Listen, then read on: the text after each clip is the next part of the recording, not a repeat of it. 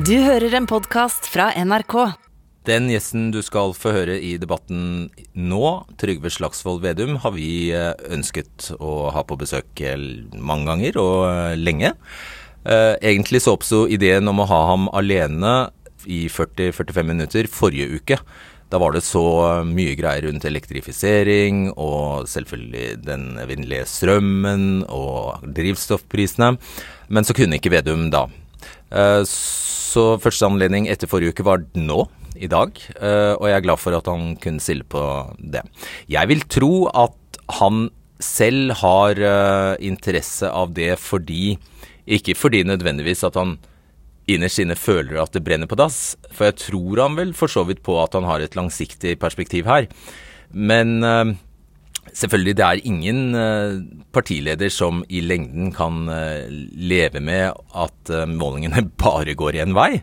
Så jeg tror han ser på det som en anledning til å prøve å forklare de store sammenhengene, og hvorfor de ikke gjør kanskje det som ville ha vært populære og umiddelbare grep, f.eks. mot drivstoffprisene.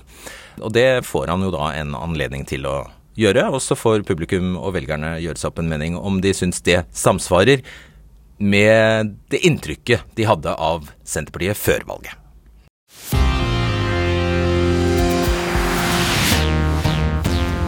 Oppgangen til Senterpartiet vokste i takt med misnøyen med Erna Solbergs regjering.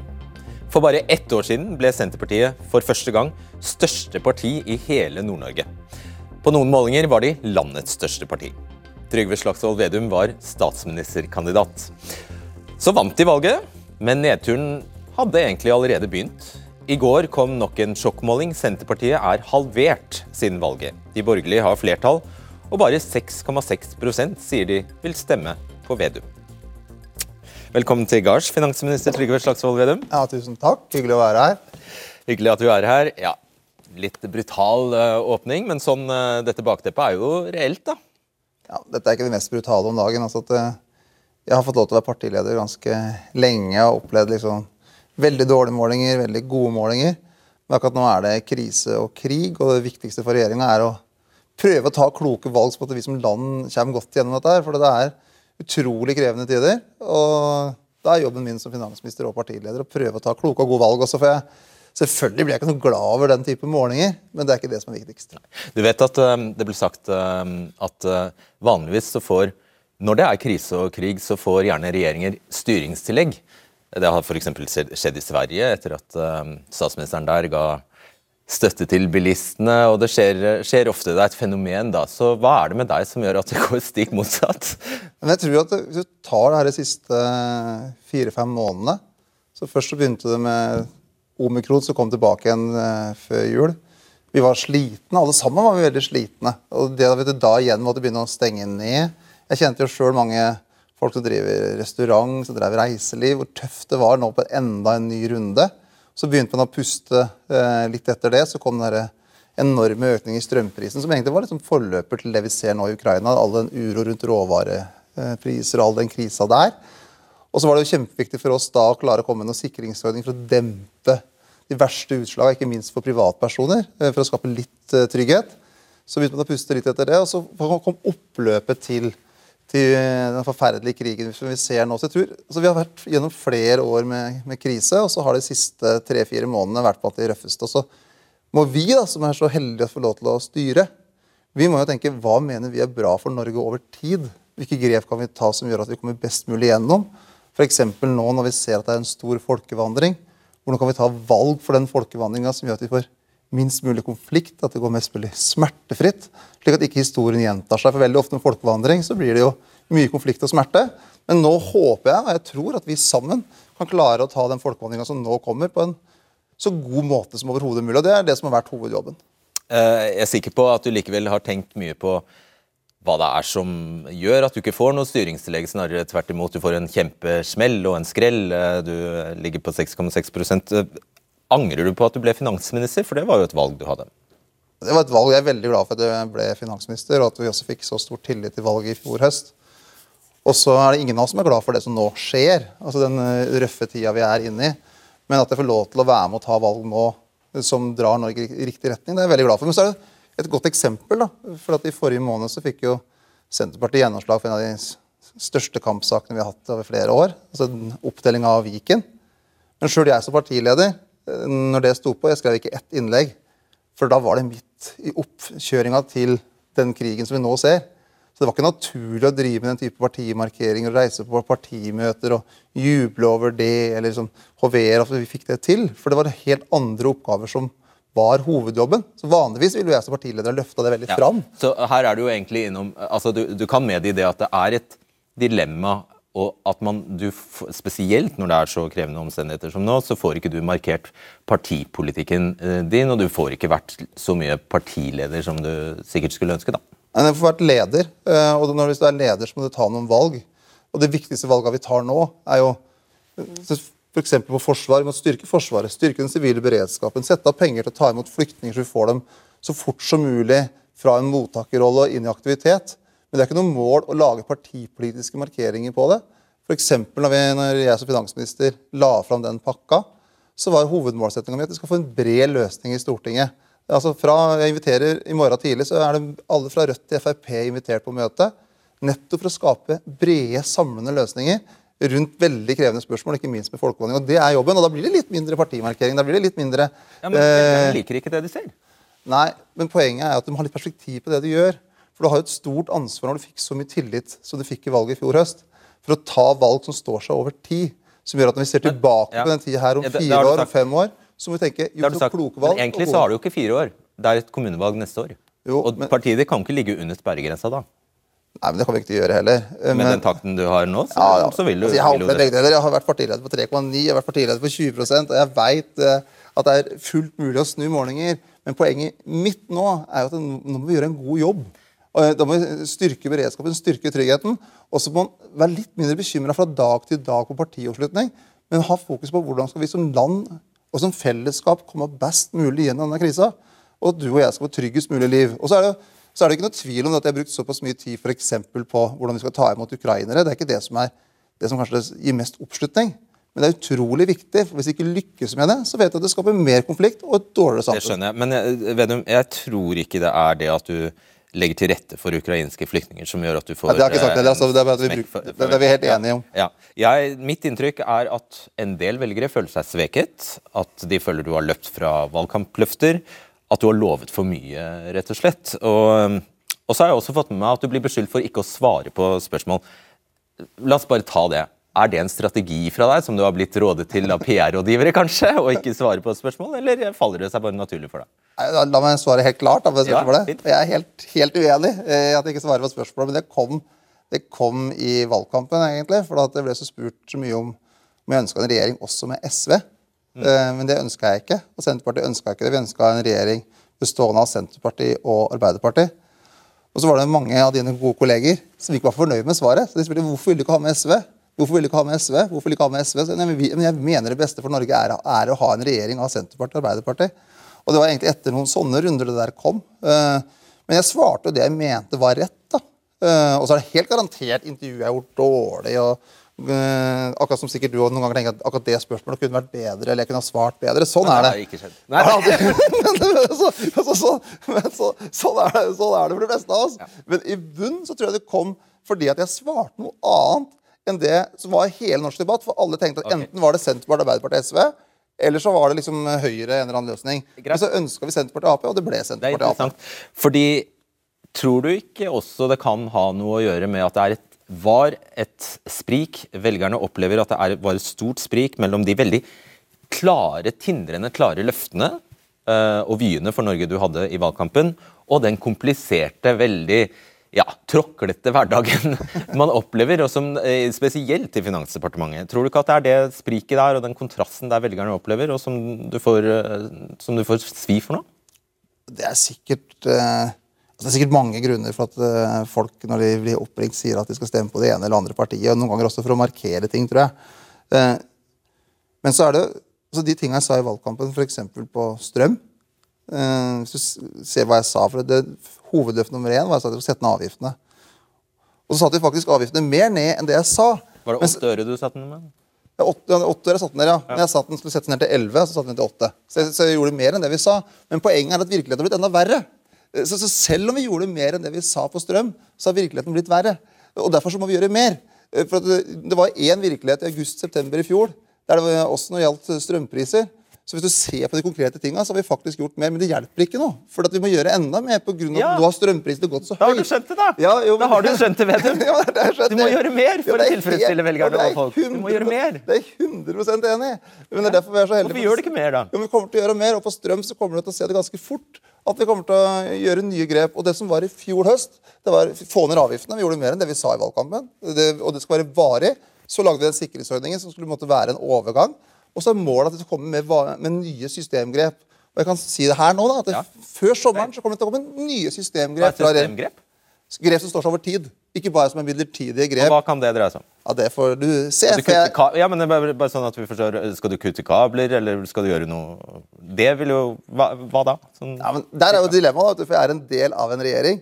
Så jeg, For å være kollegial, så skal jeg, da, når jeg skal lansere det, så skal jeg gjøre det sammen med en eh, god kollega fra Arbeiderpartiet. Så det skal jeg gjøre veldig fort. så det Også, Jeg har allerede, Jeg det allerede sagt fra det er greit. NRK om det. Det er greit, jeg lar, jeg lar det være med det, og vi kommer tilbake til, til strømstøtten. du. Eh, jeg vet at økonomene i departementet forteller deg at en gjennomsnittlig husholdning i Norge faktisk hadde 86 000 kroner mer på konto eh, ved utgangen av 2021 enn ved inngangen til 2019. Eh, jeg vet at nordmenn, at de forteller deg at hver nordmann har spart seg opp 50 000 kroner under pandemien. Jeg vet de forteller deg at eh, eh, prisveksten er beregnet til 3,3 nå, nå viste det seg jo at, eh, at oppgjøret i industrien endte på 3,7, sånn at der så kan folk regne med en bitte liten reallønnsvekst. Og så forteller de deg sikkert også at privat forbruk er, er beregnet å øke med 10% i 2022. Alt dette her regner med at de forteller deg. Hva her av det jeg ramset opp nå, gjør at du er så bekymret for denne overopphetingen av økonomien?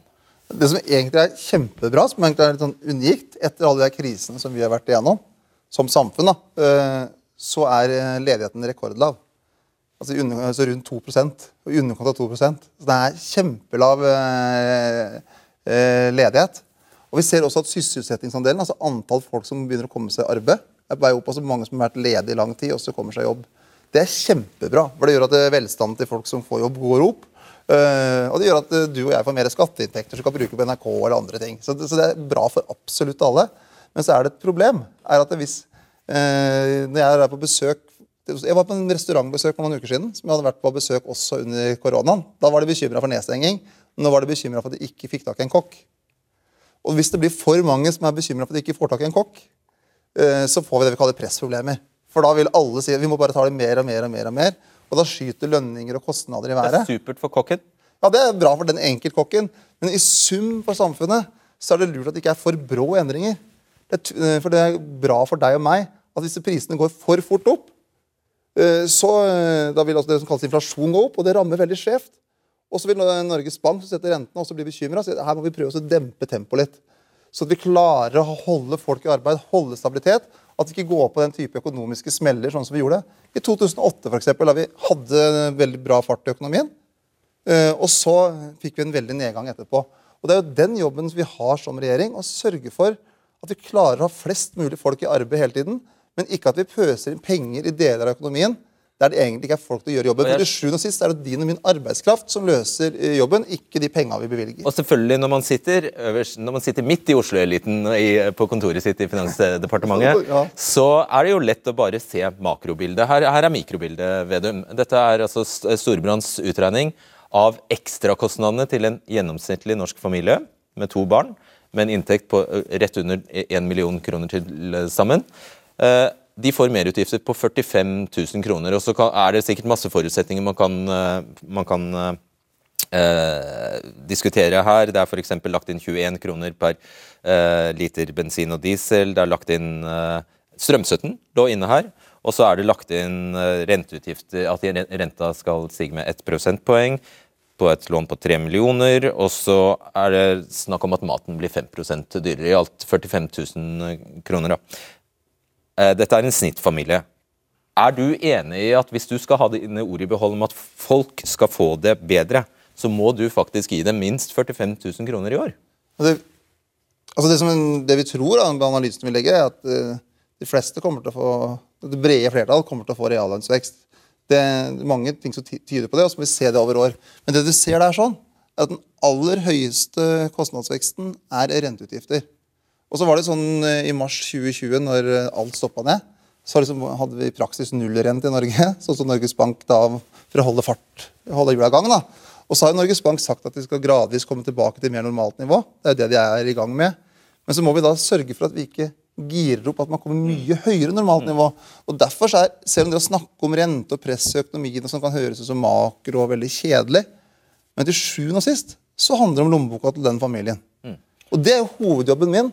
Å tenke at Når vi skal tenke skatte- og avgiftspolitikk, tenke hvordan vi skal bruke mer penger på å bygge skole, bygge veier, bygge hele Norge, så må vi også tenke, vi må ikke gjøre det på en måte som gjør at en vanlig norsk familie får enda høyere låneutgifter, eller en liten bedrift for høyere låneutgifter. For det tror jeg alle er enig med deg ja, og det, og det det i. Og alle skjønner også at du ja. ikke setter renta, Vedum, så du må jo bare gjøre eh, kloke ting som gjør at eh, sentralbanken ikke finner på å sette den opp uh, veldig mye mer enn den ellers ville ha gjort. Men jeg tror også du vet at det folk er opptatt av, er de andre postene her. Det er drivstoff, det er strøm, det er mat. Og uh, det er betydelige, betydelige summer. Eh, så, så om du, selv om vi, om vi holder renteutgiftene unna, så er du enig i at folk flest har egentlig et betimelig krav til deg om å få mange tusen kroner ekstra hvis du skal ha dine ord i behold om at de skal få det bedre. Ja, men Vi legger på politikk for å få til det. F.eks. når det gjelder typisk en småbarnsfamilie, som du tar utgangspunkt i her. da, eh, skal sette ned barnehageprisen fra høsten. Typisk en småbarnsfamilie, som er et regneeksempel. Det gjelder jo ikke pensjonister. Har, har billigere SFO. Men altså, tar, det hjelper i hvert fall ikke pensjonister. Ja. Uh, så når det gjelder da uh, strøm, så er vi opptatt av å få ned de avgiftene som jeg allerede har snakka på. Men vi har også gått til å gjøre nye grep for at det skal bli mindre avhengig av de daglige markedssvingningene. For i dag så er det altfor mange som er avhengig av den daglige spotprisen, som gjør, gjør det veldig sårbart uh, for enkeltpersoner, enkeltfamilier og enkeltbedrifter. Okay. Og så, så vi må gjøre mange grep. Og hvis du ser også typisk De som pendler, de som har høye drivstoffutgifter, er ofte pendlere. For eksempel en som pendler fra Hamar til Oslo, da, får en 4000-5000 kroner mer i pendlerfradrag. Som får, som får igjen på skatten. 4 000. Så vi gjør mange grep okay. for å prøve å gjøre ting bedre. Og da må vi bruke hele skatte- og avgiftssystemet. Og alle som er under 750 000 i inntekt, får lavere ja, skatt i år enn i fjor. Eh, faktisk viste tabellen ikke 750 men 600 000. Eh, det er da du gir maksimal skatte- og avgiftslette til, eh, til, folk i Norge, og det er på 1400 kroner. 1400 kroner. Altså, ja. Tror du folk var klar over det? At det var det du ga, skulle gi dem? Det, det regnestykket der er jeg ikke helt enig i. Hvis du tar en, en snittfamilie, eller en vanlig familie med vanlig inntekt, der kanskje det, noen er organisert i en fagforening, noen pendler, en har et unge i barnehagen, så har vi den type beregninger at de skatte- og avgiftsgrepene vi gjorde, pluss noen av de kostnadsreduksjonene vi gjorde før jul, gjør at du får ned kostnader på rundt 12 000 kroner og lavere skatt og, avgift. Ja, men det, var, det, er jo ikke jeg som har gått til valg, det er du som har gått til valg jo. på at avgiftene skulle ned, og dette er fasit. Så mye satte du dem ned.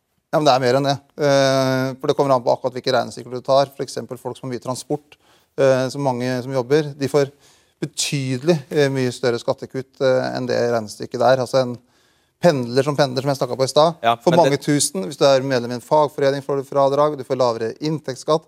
Og så har vi også prioritert lavere kostnader, f.eks. på barnehage, SFO, den type fellestjenester som alle skal ha. Ja, Men du betviler ikke altså dette står i din egen tabell? Jo, men poenget er at 1400 kroner. Men i tillegg vet du, så er det ikke bare den ene tabellen. For at du har ulike ordninger, ulike fradrag, ulike kostnader. Og så er målet helt klart. Det er at vi skal sette skatte- og avgiftene ned for folk med vanlige og middels inntekter. Mm. Og Det begynte vi med nå i år, og vi kommer til å gjøre mer også framover. Det kom en nyhet i dag vel om at du eh, fra oktober neste år øker strømstøtten til fra 80 til 90% over 70 øre. Hvorfor setter du ikke, du som mener at vannkrafta vår er arvesølvet vårt, at det er egentlig vår fortjeneste at vi har den billige strømmen fordi vi bor her i det kalde nord og vi har egentlig ikke alternativ til oppvarming. Hvorfor, hvorfor setter, du ikke du, setter ikke du den strømstøtta til 100% over det som har vært vanlig pris, 35 øre? Altså, Forstår ikke neste år, det kommer i år, da. 90 det er, ja, fra, det, er, i år. Det, det er i år. Ja, sånn så at det, ja. Eh, at, det, at det, skjer på den eh, måten.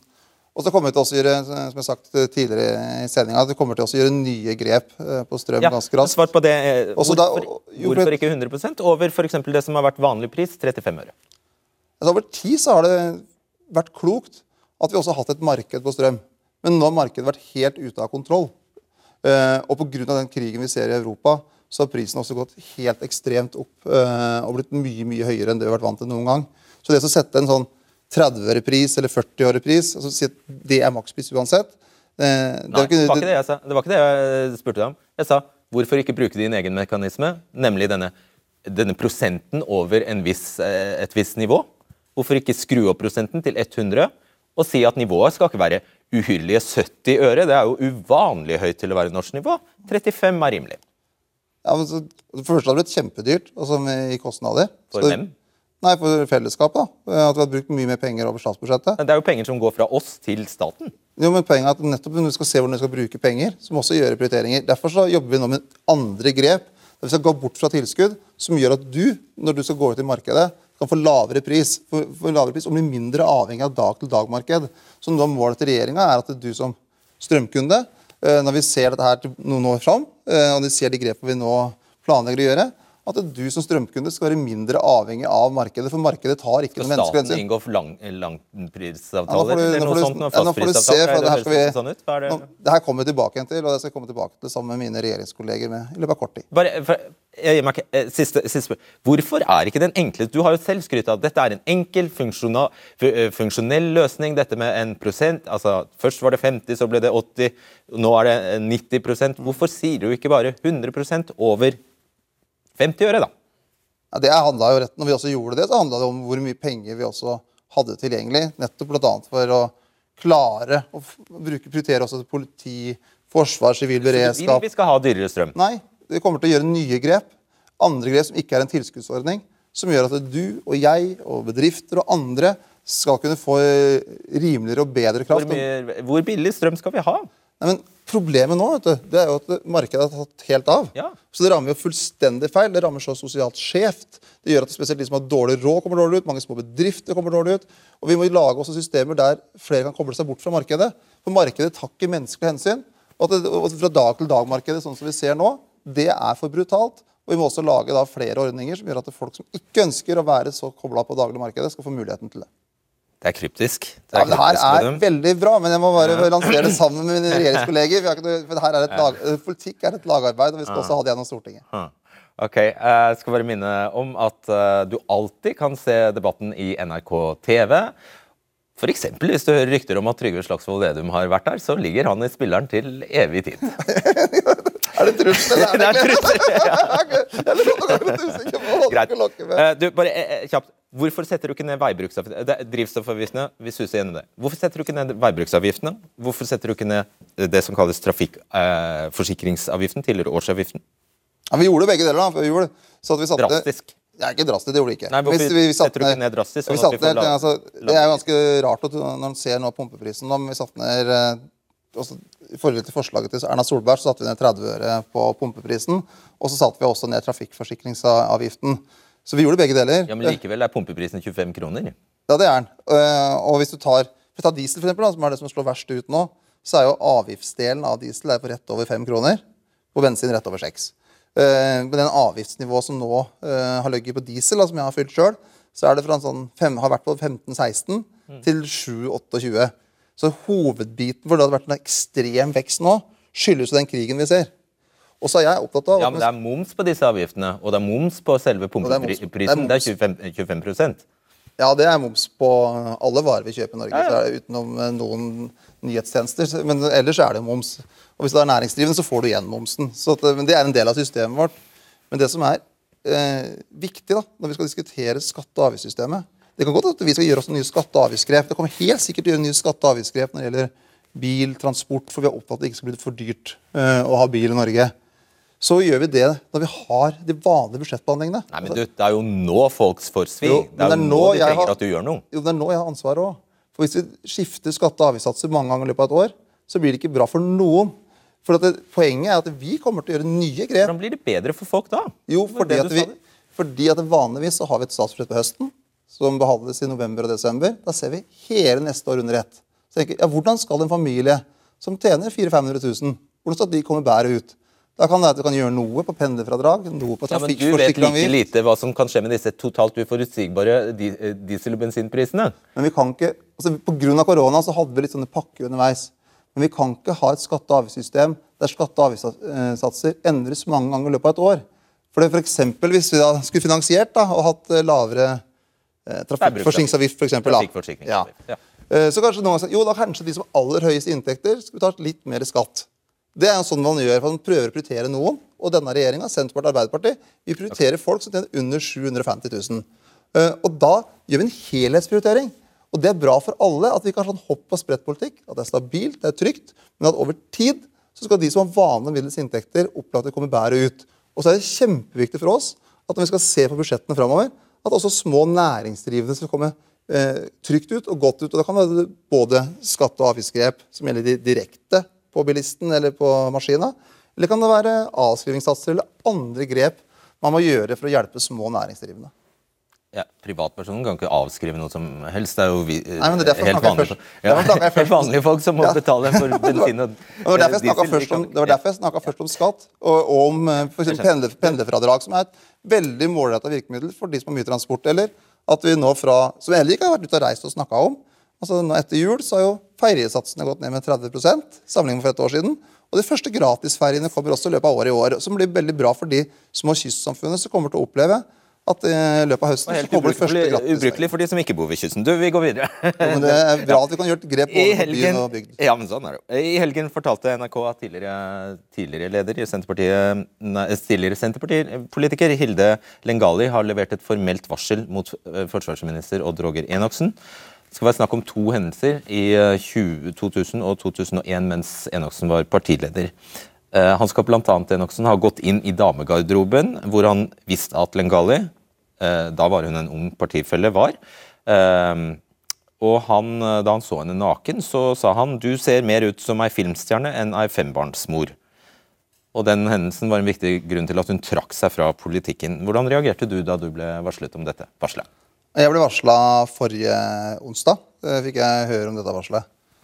Og det som har vært veldig viktig for meg som partileder, er at vi har gode rutiner, gode etiske retningslinjer. At generalsekretæren tar, tar tak i alle den type saker og holder i det. Ja, hvem er det igjen? Det er Knut M. Olsen, Ja. som er generalsekretær. Og det som er viktig der, er jo at nettopp at de som varsler, de som sier fra og Ofte så er det ikke alltid et varsel, men kanskje folk har følt noe som er ubehagelig, er, Der er er usikre. Det er Knut eh, M. Olsen. At de da skal kunne gå trygt. Ja, for Eh, Han har og sittet på dette varselet. Har han ikke? det varselet kom til partiet, ble man fortalt da, og bekrefta etterpå for, for noen ukers tid siden. at det varselet Ja, ble men han visste om saken uh, Han har visst om saken i mange år. har jeg skjønt. Men det som her var jo at det formelle varselet kom for noen uker, uker siden, og så er det generalsekretæren som holder i det. Ja. Og så har vi vært veldig Og litt, opptatt av ja, nei, jeg bare, jeg, bare- avbryter deg, fordi, fordi det er vesentlig. Eh, litt av grunnen, hvis eh, jeg har skjønt det rett, til at Lengali da ikke gjorde dette til et formelt varsel, var at hun tekstet med eh, din nestleder, Anne Beate Tvinnereim, der Tvinnereim eh, eh, skriver når det er sagt, vet du både du og jeg at Senterpartiet, som sikkert de fleste andre partier, er fulle av grums og dritt både i fortid og nåtid. Det er viktig å holde trykket oppe mot gutteklubben Grei. Så Lengali kan ha trodd at dette ble ivaretatt, og så har det ikke skjedd noe som helst. Kjenner du deg igjen i den beskrivelsen av ditt parti? det, som, det er ingen tvil om at de her rundene man hadde i offentligheten og i organisasjoner og partier, sikkert også i NRK, for en fire-fem år siden, rundt det med å respektere hverandres grenser, ha gode rutiner på det, hele den metoo-debatten, som det liksom ble overskriften for det, det var en bra debatt. eh, og gjorde for eksempel, Nå snakker du om noe helt annet. Nei, fordi at det snakker midt i kjernen. Og noe av det som var det gode med det, var nettopp for eksempel i Senterpartiet så lagde vi tydelige, klare etiske retningslinjer. Hva er greit, hva er ikke greit. Vi lagde klare, tydelige varslingsrutiner. Hvordan kan du varsle? Hvordan skal det følges opp? Eh, Du skal ha tryggheten for at hvis du sier fra, hvem skal få vite om informasjonen. Sånn at de som både er varsla mot, og de som da eventuelt har varsla, at de skal ha en trygg og god ramme. Det, og og det der, Og i, bare, bare, for å, bare, ba- bare for å forstå hva de trygge og gode rammene er i Senterpartiets eh, eh, tilfelle. Det betyr at det er faktisk Knut M. Olsen som er mottakssentral for alt. Det er han som sitter på alle hemmeligheter, så hvis ikke han foretar seg noe, så skjer det ikke noe. Er det riktig forstått? Altså, han øh, forvalter jo et mandat. Ja, på men er det riktig forstått? Det er han som er mottakssentral, og han også da trekker på, Det er jo veldig sårbart. og så kan han trekke på juridisk kompetanse. Er ikke det veldig sårbart? Og så er det veldig forutsigbart. Eh, og så har vi selvfølgelig alltid debatter. Er det ting som kan gjøres bedre? Er det ikke lite tillitsvekkende? Hvis det stanser opp hos han, så er det stopp. Men vi har en gode rutiner på det, og så kan også generalsekretær trekke inn juridisk kompetanse. Syns du denne saken vitner om gode rutiner? Det her var jo et varsel som kom for eh, noen uker uker Ja, og nå, nå varsler jo hun fordi han, Enoksen har kommet i posisjon. Det er derfor hun varsler eh, nå, virker det som. Så syns du det virker som gode rutiner? Så jeg skal ikke gå inn i akkurat behandlingen av den enkelte saken. For det kan være eh, gode grunner for at, det er, at vi nettopp har lagt de etiske retningslinjene. At det er den som eh, varsler, og den som eh, behandler det. Det er da gen- generalsekretær Knut M. Olsen som svarer på det konkrete. Ja, Men han vil jo ikke svare. Det er jo noe av problemet her. Han sier jo ingenting. Men han, svarer, så han svarer for seg Han har ikke sagt noen ting om denne denne han har gitt flere skriftlige eh, svar rundt dette her. Og så er jo poenget i hele de her diskusjonen rundt ulike varslingssaker, og også når folk er Vel så viktig er når folk er i tvil om de skal varsle, at de kan ta kontakt, og de vet at informasjonen Ja. er trygt et sted. Er du, ja, Syns du det er en god ordning at det er én person i hele partiet som skal motta alle varsler og behandle dem? Vi syns at eh, det, det etiske regelverket som vi har lagd, som landsstyret har vedtatt, eh, Som innebærer at det bare er én person som mottar og behandler alle som også kan da trekke på juridisk eh, kompetanse. Men han, du vet, litt av greia her er jo at han, hvis det ikke blir et formelt varsel, så kan ikke han plapre videre. ikke sant? Han kan ikke da rådføre seg, f.eks., for, eksempel, for da avslører jo han noens hemmelighet. Dette er et veldig sårbart rigg. Men han også da, det ligger også i det systemet at han kan da sø sø- søke og bruke juridisk kompetanse. Nettopp for å få noen å drøfte det med, diskutere det med, som da har juridisk kompetanse for å vurdere varselet. For det, det ligger også som en del av rammeverket. Men det som også er viktig, er at hvis eh, personer da varsler, at de veit at f.eks. ikke jeg indirekte få vite om det med en gang. For det kan være at den ikke har et ønske om at jeg skal få vite om det. Ville du ha tatt Enoksen inn i regjering som forsvarsminister hvis du hadde visst dette? Altså, da kom det varselet for 14 dager siden. Eh, Det er Knut M. Olsen som eh, behandler det. Og jeg har stor tillit til at Odd Roger Enoksen gjør en god jobb som forsvarsminister. det Han var ikke spørsmålet. Ville du ha tatt han inn i regjering? Hvis du hadde visst det, ville du ha tatt han inn i regjering da? Svaret at jeg er veldig glad for at Odd Roger Enoksen er forsvarsminister, men det er riktig at, eh, at han er på den posten nå. Eh, Så Jonas Gahr Støre visste heller ikke. Så, så verken, altså, det her var et varsel som Ja. kom for 14 dager jeg siden. Jenter, ok, greit. Ja. Så ville du ha tatt han inn i regjering hvis du hadde visst dette? Jeg ville tatt inn Odd Roger Enoksen i regjering, og har han i regjering, for jeg har høy tillit til han. Selv hvis du visste om dette var- varselet tidligere? Eller hvis dette varselet hadde kommet tidligere? Altså, det, er et det er såkalt hypotetisk spørsmål. Kjensgjerningen i saken er jo ikke men- hypotetisk, men, svaret er jo at jeg mener at Odd Roger Enoksen er den beste forsvarsministeren Norge kan få. Han er dyktig, han er flink, han har god oversikt, han har en ro. Og så må de konkrete, den konkrete saken eh, den behandles av Knut M. Olsen. Eh, når Tvinnereim sier at det er mye grums og dritt i partiet, kan det Den episoden fra 2018, husker du? Ble, eller den var, Episoden var vel fra 2016, da det ble kjent at eh, tidligere partileder Liv Signe Navarsete hadde fått tekstmelding av en guttegjeng eh, som satt på en hytte, deriblant eh, Ola Borten Moe, Steinkjer-ordfører Bjørn Arild Gram. Som da, ah, da var han Steinkjer-ordfører, nå er han kommunalminister. Bjørn Arild Gram og Ivar Vigdenes, blant andre.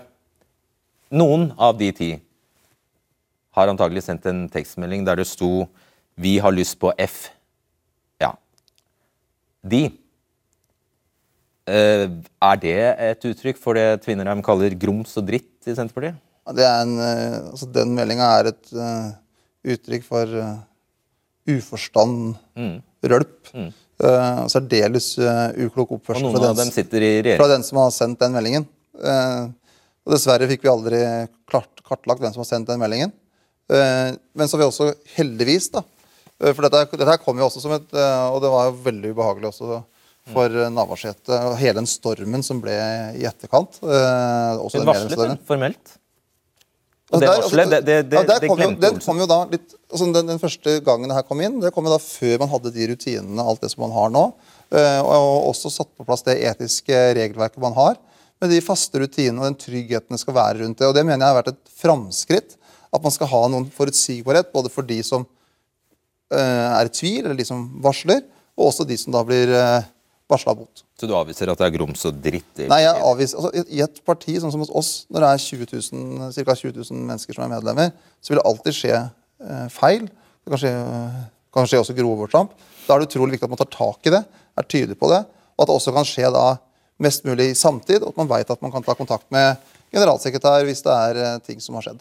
Lytte til folk, beslutninger nær folk, slutt på sentralisering. Oslo-eliten, eh, Oslo-elitens sentralisering eh, var jo valg Valgkampen din gikk mye ut på dette her. Vi har nå sett at eh, dere lar Ullevål sykehus i stikk. Altså det, det, det går dukken. Vi har sett eh, Jeg tror det eh, Ja, Andøya er det jo mange som er sinte på deg for. Eh, regionreformen er det også en del som eh, føler seg eh, sviktet av Senterpartiet. i- Det er ganske mange som er glad, egentlig, men vi har ikke, Ja. vi har ikke, brukt, vi, har ikke brukt så mye tid på å skryte av at f.eks. Viken ble oppløst, for det var skjedde midt når Ja, krigen starta. Eh, her skal vi se et uh, eksempel fra uh, Dette gjelder Ålesund og Haram. Og det du utløste da, da du, da du, ville, ha, da du ville ha reversering av regionreformen, var nettopp at du ja, du sa nå skal folk få bestemme, og det har de tilgangs... eh, jo, eh, De har, eh, de, har eh, gitt sin, eh, de har eh, gitt uttrykk for hva de egentlig vil. Den tidligere Haram kommune her ble en del av Ålesund i eh, 2020 med tvang. Men ja. Men eh, nå har Ålesund kommune, altså etter en folkeavstemning i gamle Haram kommune eh, og kommunestyrevedtak, så har de sendt en søknad til regjeringen om at deler av gamle Haram eh, skal gjenoppstå uten eh, to valgdistrikt. Og det ene valgdistriktet det ligger på fastlandet, det andre ligger på den blå øverste øya der. Så da får man denne rare konstellasjonen her, da. Hvis dette går eh, gjennom. Hvorfor eh, Dette er jo egentlig resultatet av at du sa nå er det fritt, eh, vær så god. Det er resultatet av at vi, vi lytter på folk, og jeg var på et folkemøte på Haram sjøl. Liksom akkurat i den mellomfasen når ting var, var litt i ro. og Det var fantastisk å oppleve alt det engasjementet og det ønsket og lokalstoltheten. Eh, Så hadde du den folkeavstemninga der det store flertallet ønska å ha en lykkelig skilsmisse med Ålesund. Eh, Så har Ålesund tatt sitt vedtak, og så nå ligger det i regjering, og nå skal vi behandle det på skikkelig vis. Og så ser du jo at eh, nettopp fordi vi, har lagt til rette for lytte for folk, da, så har jo man løst opp Viken, man løser opp Troms og Finnmark, man løser opp Telemark og Vestfold. Eh, og så var det det som er uklokskapen her, var jo at eh, Erna Solberg Ja, ja, og Siv. Jensen tvang det her igjennom i sin tid. Koste hva det koste vil. Og så sa jo Erna også nå før helga at vi skulle kjøre nye sånne kommunerunder. Jeg mener at vi bør mer få ro rundt det. Så får vi la de som da ønsker å ha lykkelig skilsmisse, få det.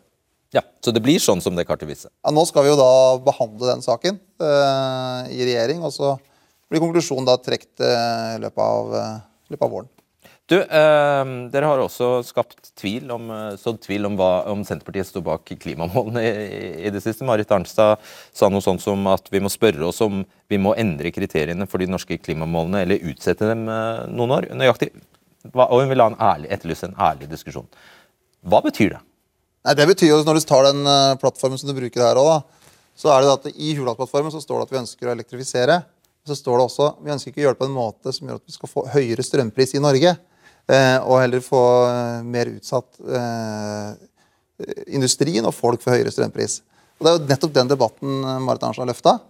Målet er elektrifisering, målet er å få ned CO2-utslippene, men det må gjøres på en måte som gjør at vi ikke får høyere strømpris. Akkurat som i Hurdalsplattformen så står det så ikke Og hvordan skal vi tolke det? Betyr det, betyr det at hvis det blir høyere strømpris, så dropper vi elektrifisering, og så skyver vi på målene? Er det det? Er, er Ja, det som da vil vi mener, og som Arnstad løfta fram, var jo da hvordan kan vi klare å framskynde havvind, annen type elektrifisering av disse plattformene, som gjør at vi ikke bare øker strømprisene på land. Og, Det var derfor vi også på de første store havvindprosjektene som regjeringa har nå sagt at vi skal sette i gang med, at vi ikke ønska sånn som forrige regjering, at man også skulle bruke den strømmen til eksport, men at all den strømmen skulle komme til Norge. Fordi at Vi ønsker jo eh, å ikke lage nye utenlandsforbindelser. Vi ønsker å ha en lavere strømpris i Norge.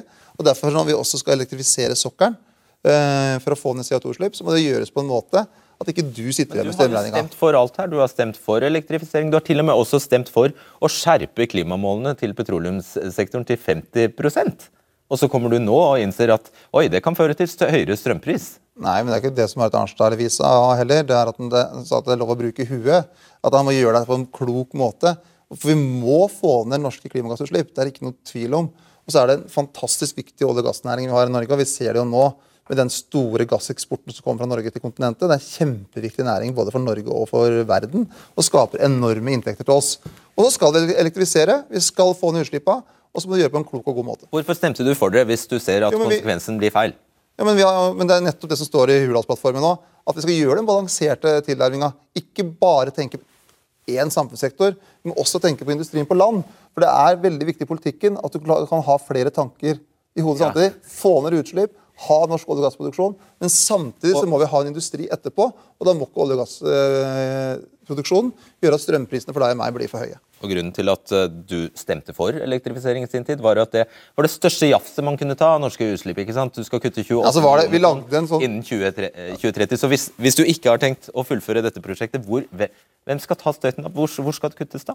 Vi skal kutte på mange områder. altså Det er i bygg, vi skal lage ny energi, vi skal sørge for at transportsektoren slipper ut mindre. Det er mange grep vi, vi skal gjøre. Og så skal vi også sørge for at vi har en verdensledende olje- og gassindustri som skaper enorme verdier for deg og meg. eh, som finansierer store deler av statsbudsjettet eh, hvert eh, år. Så det er liksom klare den kombinasjonen. Få ned utslipp, bygge ny industri og ta vare på og videreutvikle den olje- og gassindustrien vi allerede har. Og Det er en Guds lykke at man hadde da politikere på 60- og 70-tallet som tenkte hvordan bygge nasjonal jo industri. ja. Ja, Høyre og Frp var ikke helt enige om det da, og det er veldig klokt er- okay, er- at vi har en nasjonal tenkning, Ja, og også en nasjonalt eierskap til vannkrafta. Siste spør spørsmål. Vil det være krise for deg om vi ikke når våre klimamål, som du selv har satt, innen 2030? Ja, Vi har et klart mål om å, Vil det være krise, spør jeg. Det er ikke for meg det vil være en krise. kunne Vil det være en krise for Senterpartiet og for Norge og for Ja, det er, altså, alle er vi avhengig av at alle i verdens land får ned våre klimagassutslipp. Eh, og Norge skal få ned våre, og vi skal også bygge ny industri og ny velstand. Ok, greit. Takk skal du ha, Trygve Slagsvold Vedum. Takk for at jeg fikk komme. Og takk for i kveld. Vi er tilbake på torsdag.